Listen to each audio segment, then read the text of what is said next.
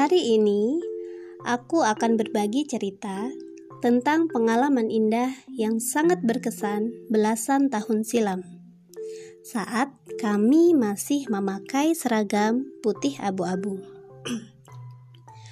aku mengikuti ekskul pasukan pengibar bendera atau paskibra.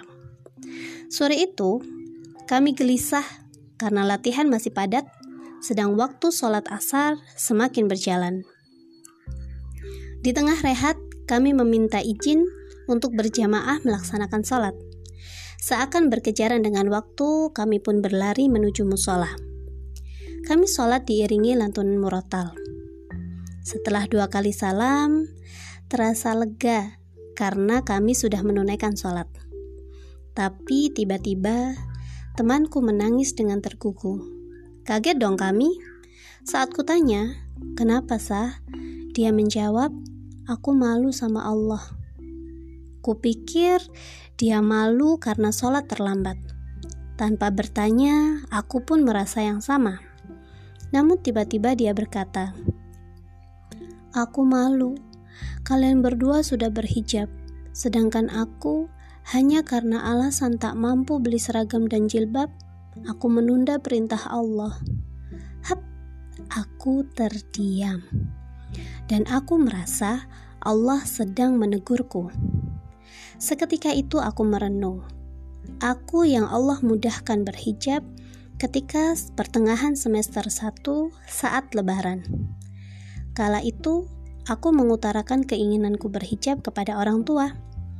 Dan orang tuaku membelikan beberapa potong seragam panjang yang baru dan beberapa lembar kerudung untuk kugunakan.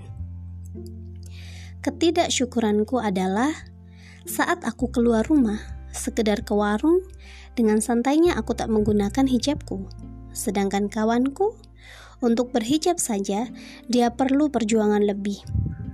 For your information kawan, eraku adalah era di mana hijab sudah bukan masalah larangan, tetapi kesadaran. Oke, kembali ke kisah tadi. Diiringi lantunan istighfar kawanku yang lain, kami berdua sama-sama menangis karena alasan yang sama. Malu kepada Allah. Aku mengambil pelajaran dari kisah di atas dengan satu kata. Kesempatan. Ya, kesempatan yang Tuhan berikan itu sama, tapi mungkin dalam bentuk yang berbeda. Dulu, aku diberikan kesempatan dengan mudah berhijab, tapi kusia-siakan dengan masih mengumbar aurat ketika sekedar keluar dari rumah.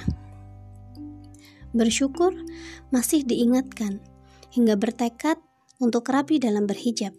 Kerudung, baju panjang, dan kaos kaki sudah menjadi paket lengkap ketika keluar rumah ataupun menemui tamu.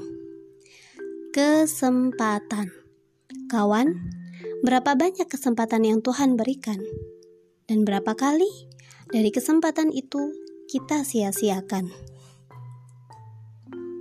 Kesempatan waktu. Pernah kan tiba-tiba merasa bahwa kita punya banyak waktu? Sebenarnya itu isyarat dari Tuhan bahwa kita punya kesempatan untuk melakukan hal bermanfaat guna mengisinya kesempatan harta. Sadar nggak sih? Kelebihan dalam harta adalah isyarat dari Tuhan agar kita lebih banyak berbagi. Gunakan harta sebaik mungkin sebagai penolong bagi kita kelak. Ternyata harta juga bisa menolong kita ya. Kesempatan ilmu.